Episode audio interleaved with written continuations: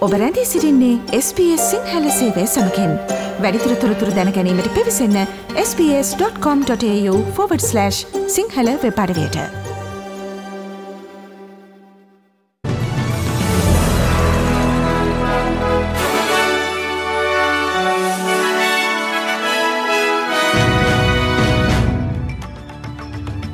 ප්‍රථමයෙන් සිරස්තල. ලිබරල් සඳහනය මානසික සෞඛ්‍ය ෂේත්‍රයටත් කම්කරු පක්ෂය මහාබාධක කොරල් පරය රැක ගැනීමටත් අරමුදල් ප්‍රකාශ කරයි. නොදන් ටෙටරියේ නව ප්‍රධානමාත්‍යවරයා බොහෝදුරට අද නම් කෙරේ. රනිල් වික්‍රමසිංහ හයවන වරටත් ශ්‍ර ලංකාවේ අගමැති ලෙස දිවුරුම් දෙයි. මහින්ද නාමල් ඇතුළු විසි හතුරකට ලංකාවෙන් පිටවීම තහනම්. උතුරු කොරියාවේ පළමු කොවිඩ් ආසාධනය වාර්තාවීමත් සමඟ මුළු රටම ලොක්ඩවුන් කරේ.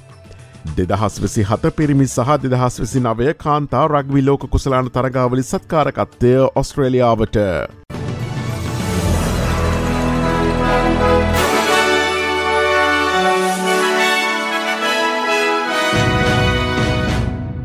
SBS සිංහල ප්‍රෝති සමඟ මම මදුරසන විරත්න. මානසික සෞඛ්‍ය ෂේත්‍රය සඳහා අමතර අරමුදල් ඔස්ට්‍රලයානු මධ්‍යම රජය විසින් නිවේදනය කරයි.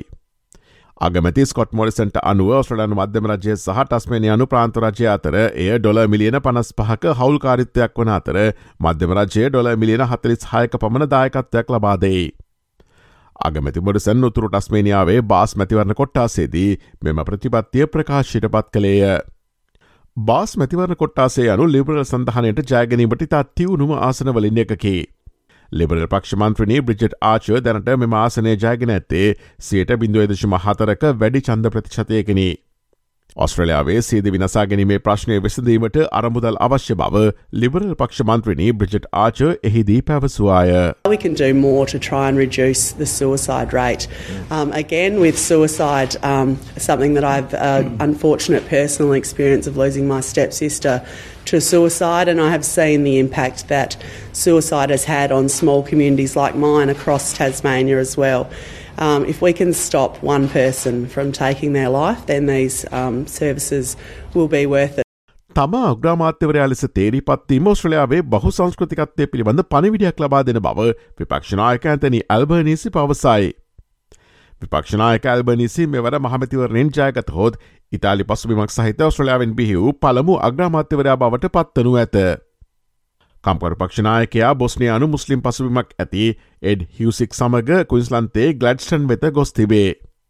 කම්කර පක්ෂය මෙවර මැතිවරණයෙන් ජයග්‍රහණය කළ හොත් ඔස්ට්‍රලයාාවේ පළමු මුස්ලිම් කැබිනට අමාත්‍යවරයා බවට එඩ් හිවසික් පත්වනු ඇත. මෙම මැතිවරණයේදී ප්‍රථමවාට කම්කරු පක්ෂයට චන්දය දෙන බව තමාට පැවසූ ඔස්ට්‍රලයානු ඉතාලි ප්‍රජාවේ සාමාජිකෙන්ට තමා කතා කළ බවත් ඔවුන්ට අවශ්‍ය වන්නේ නූතන ඔස්ට්‍රලයාාව පිළිමිව කරන ඔස්ට්‍රලයාාවක් බවත් විපක්ෂනායක ඇතනි ඇල්බනීසි පැවසීය. They want an Australia that reflects modern Australia. Uh, modern Australia is made up of people called Husick and Albanese. We're a diverse country, and the fact that uh, I have an a, a non Anglo Celtic name, and so does our Senate leader as well. Uh, I think sends a message out there, hopefully to multicultural Australia, uh, that you can achieve anything in this country. කම්කරු පක්ෂය සිය මැතිවරණ ප්‍රචාරණ ව්‍යාපාරය අද උතුරු කුයින්ස්ලන්තේ සිදු කිරීමට නියමිතයි. කම්කරු පක්ෂනායක ඇතනි අල්බනිසි අද කේන්ස් වෙත පැමිණිනු ඇතයි අපේක්ෂා කරන අතර එහිදී ඔහු මහාබාධක කොරල් පරය රැක ගැනීම සඳහා අරමුදල් ප්‍රකාශයට පත් කරනු ඇත. දේශකුණික විපරාසවල ප්‍රතිඵල හේතුවෙන් මහාබාධක කොරල් පරයට බරපතල ලෙස හානි වී ඇත. කොරල් පරය සුරකීම සඳහා කුන්ස්ලන්ත ප්‍රාන්තරාජය ස්වදේශි කොස්ට්‍රලයන් ප්‍රජාවන් සහ ව්‍යාපාර සමඟ කටයුතු කිරීමට ඇන්තනි අල්බනසි ප්‍රතිඥා දෙනු ඇත. මහාපාතක කොරල් පරය ආරක්ෂා කිරීමෙන් අනාගත පරම්පරාව සඳහා එය සුරකන අතර කුයිස්ලන්තේ සංචාරක කර්මාන්තය මත රඳා පවතින දස දහස් කණනක රැකයා සුරක්ෂිත කරනු ඇති බව කම්කර පක්ෂනායකයා පැවසීය.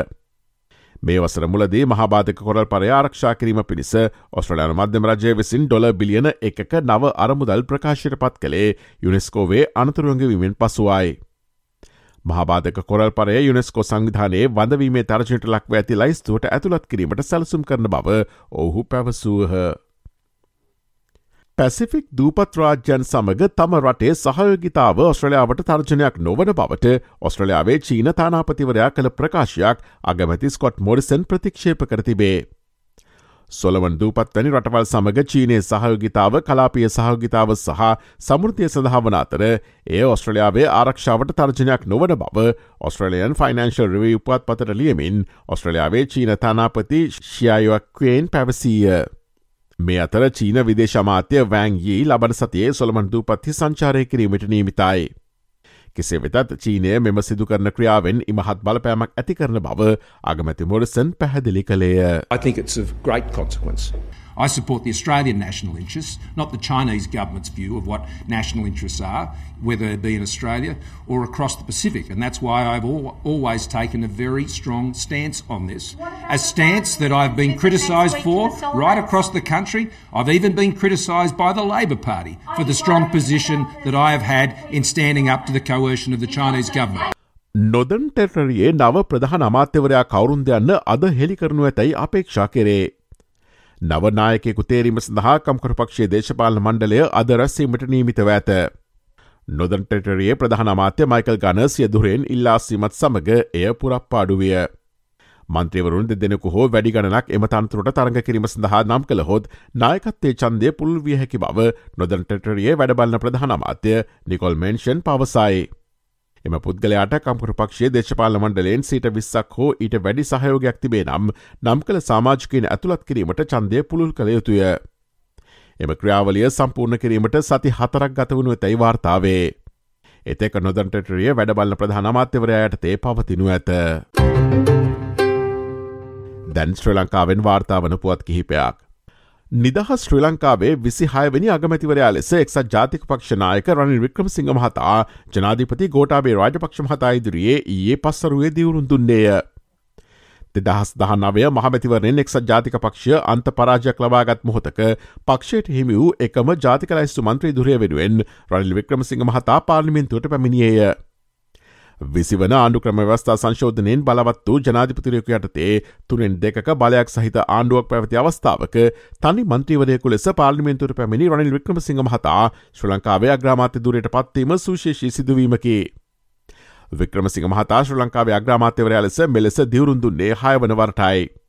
හයවරක් රටක අග්‍රමාත්‍යවරයා ලෙස පත් වූ ලොව එකම දේශපාලක්ඥා ලෙසද රනිල් වික්‍රමසිංහ මහතා වාර්තාපොතට එක්වී තිබේ. මේ අතර නව අග්‍රාමාත්‍ය ලේකම්වරයා ලෙස සමන් ඒකනායක මහතා පත් කර තිබේ. සමන්නේකනායක මහතා කොළඹ කොටුව ජනාධිපති මන්දිරයේදී ජනාධිපතිලේකම් ගාමිනි සනරත් මහතාතින් සිය පත්වීමේ ලිපිය ලබාගත්තේය.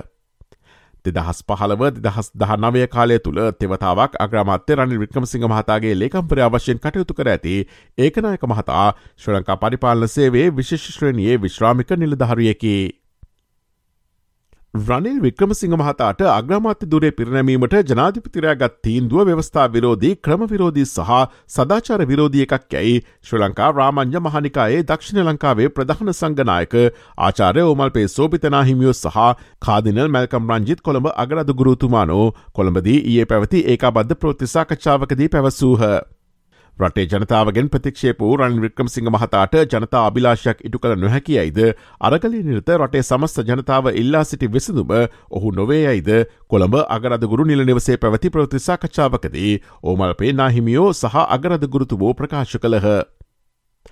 මේ අතර ශ්‍ර ලංකාවේ නව අග්‍රමාත්‍යවරයා ලෙස රනිල් වික්‍රමසිංහ මහතා පත්කිරීමට එරහිව ඒ ජනාධිපති ලේකම් කාරයාලය අසල පැවත්වන නිදහස් අරගලය නියුතු තරුණයන් විරෝධතාවක නිරත විය. ඩීල් දේශපාලනයට එරහිව විධ සටන්පුරු ප්‍රදර්ශනය කරමින් අරගලකරුවෝ හිදී විරෝධතාවේ නිර්ත වූහ. මේ අතර අග්‍රාමාත්‍ය රනිල් වික්‍රමසිංහ මහතාට සමගි ජනබලවේගේ කිසිදු සහයක් හිමි නොවන බව එහි මහලේකම් රංජිත් මන්දුම බණ්ඩාර මහතා ප්‍රකාශ කළේය. සමගි ජනබලවේගේ විපක්ෂනායක සජිත් ප්‍රේමදාස මහතාගේ ප්‍රධානත්වයෙන් තවදුරටත් විපක්ෂය කාර්යභාරය සිදු කරන බවද ඔහු පැවසීය. රාජපක්ෂ පවුලේ ආරක්ෂාව වෙනුවෙන් රනිල් වික්‍රමසිංහ මහතා අග්‍රාමාති දුරට පත්කරගෙන ඇති බවත් සමග ජනබලවේගේ මහලේකම්වරයා වැඩිදුරටත් පැවසීය. හිටපු අග්‍රාමාත්‍ය මහින්ද රාජපක්ෂ මහතා ඇතුළු විසි හතර දෙනෙකුගේ විදෙස්කමන් තහනම් කරන ලෙස කොළඹ කොටුව මහිස්ත්‍රාත් තිලින ගමගේ මහතා ආගමන විගමන පාලකවරයාට ඊයේ නියෝග කළේය. ගාලුමෝදර සහාර්ලේග හමන්දිරේ ඉදිරිපිට පැවති සාමකාමි විරෝධතා ව්‍යාපාරවල සිටි පිරිසට පහරදී අලාභහන සිදු කර සාපරාදී බියගැන්වීමකට කුමන්ත්‍රණය කර ආධාර අනුබලදුන් බව කියන සිද්ධියට අදාළව සිදුවන විවර්ශනය සම්බන්ධයෙන් මෙම තීන්දුව ප්‍රකාශ කර තිබේ. මෙම සිද්ධියට අදාළව අර්ලික හමන්දිරේ පැවති උත්සවයට සහභාගි වූ හිට වාග්‍රාමාත්‍ය මහින්දරාජ පක්ෂ මහතා ඇතුළු එකළොස් දෙනෙකුද ගාලුමූදර සහ අර්ලික හමන්දිරේ දිරිපිට විරෝධතාකරුවන්ට පහරදින අවස්ථාවේදී සිටි බවට හඳුනාගත් හය දෙනෙකු සහ මෙම සිද්ධියට අදාළ සාක්ෂිකරුවන් ලෙස තවත් හත් දෙනෙකු මෙම විදෙස්කමන් තහනම් වූ විසි හතර දෙනා අතර සිටිතේ. ඒ අනුවයකුත් නවන දාර්ලියක හමැතුරේ පැවති උත්සවයට සහභාගී වෙ සිටි හිට වග්‍රාමාත්‍ය පාලිමෙන්තු මන්ත්‍රී මහින්දරාජ පක්ෂ පාලිමෙන්තු මන්ත්‍රීවරුන් වන පවිත්‍ර වන්‍යාරච්චි ජොන්ස්ටන් ප්‍රනාාන්දු සංජීව එදිරිමාන්න නාමල් රාජපක්ෂ රෝහිත අබේ ගුණවර්තන සිබී රත්නායක සම්පත් අතුකෝරාල සනත් නිශාන්ත සහ හිටපු පලාත් සභහමන්ත්‍රී රෙනුක පෙරේරා හිටපු අමාත්‍ය කංචන ජයරත්නයන එකොළොස් දෙනාගේ විදෙස්කමන් තහනම් කෙරෙනේ. ඊට අමතරව ගාලු මූදර සහරලේග හමන්දිරේ ඉදිරිපිට විරෝධතාකරුවන්ට පහර දෙන අවස්ථාවේදී සිටි බවට හඳුනාගත් නිශාන්ත ජයසිංහ අමිතාබේ වික්‍රම පුෂ්පලාල් කුමාරසිංහ මහින්ද කහඳගම දිලි ප්‍රනාන්දු බස්නාහිර පළත් බහර ජේෂ්ඨ නියෝජ්‍ය පොලිස්පති දේශපන්දු දෙන්න කොන්නන අයවලුන් හය දෙනාගේද විදෙස්කමන් තහනම් කිරීමට නියෝග කෙරිනේ. දැන් විදෙස් පුවතාක් උතුරු කොරියාවේ පළමු කොවිඩ් ආසාධනය වාර්තාාවමත් සමඟ එරට නායක කිම් චොං උන් සමස්ත රටම ලොක්ටවුන් කිරීමට නියෝග කර තිබේ. පියෝගයන් අගනුවර ඔමික්ටොන් වෛරසේ පැතිරියාමක් පවතින බව කොරයානු මධ්‍යම ප්‍රෘතියජන්සිය පවසර නබොත් ආසාධිත සංඛ්‍යාවත් අහවුරු කරනු මැත. මෙම ප්‍රෘතිය ඇතුළු ගෙවියන සතියේ තවත් උණුසුම් පිදෙස් පුවත් අද වැඩස්්‍රහණය ලෝට විශෂාන්ගෙන් බලාපොරොත්තුවන්න. දැන් ක්‍රීඩාපුවතාක්. දෙදහස් විසි හත පිරිමි සහ දෙදහස් විසිනවය කාන්තා රක්බි ලෝක කුසලන තරගාවලිය සත්කාරකත්වය ඔස්ට්‍රලියාවට හිමිවී තිබේ. ඒ පස්සරුවේ අයිලන්තේ ඩබ්ලි නුවර පැවති රැස්සීමකදී ලෝක රක්බි සංගමය මෙම තීරණය තහවුරු කළේය.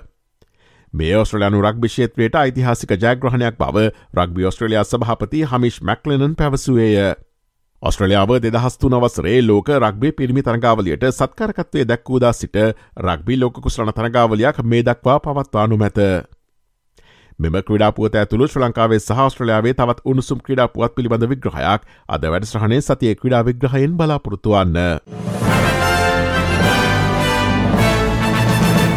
බලාපොරොත්තුවන්න. ස්ට්‍රලයන් ඩොලට සාපක්ෂවත්දිනේ විනිමානුපාතිකන් සටහන් වන්නේ මෙයාකාරෙන් අමරිකාන් ඩොල සත හැට නවයයි බ්‍රතාානය පොම් සත පනස් හයයි යුරෝ සත හැට හයයි ජපන්නෙන් අසු අටයි සත හතරයි ශ්‍රලංකාරුපියල් දෙසිය පනස්තුනයි සත හැට හතරයි.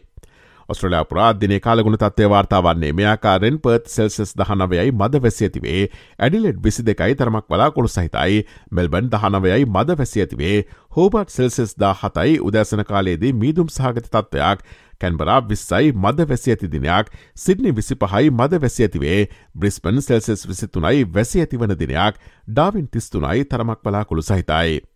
කොළඹ හතදාසන්න ප්‍රදේශවල අද කාලගුණය සෙල්සෙස් විසි හයත් විසි නවයත් අතර වැසි ඇතිවිය හැකි දිනයක්.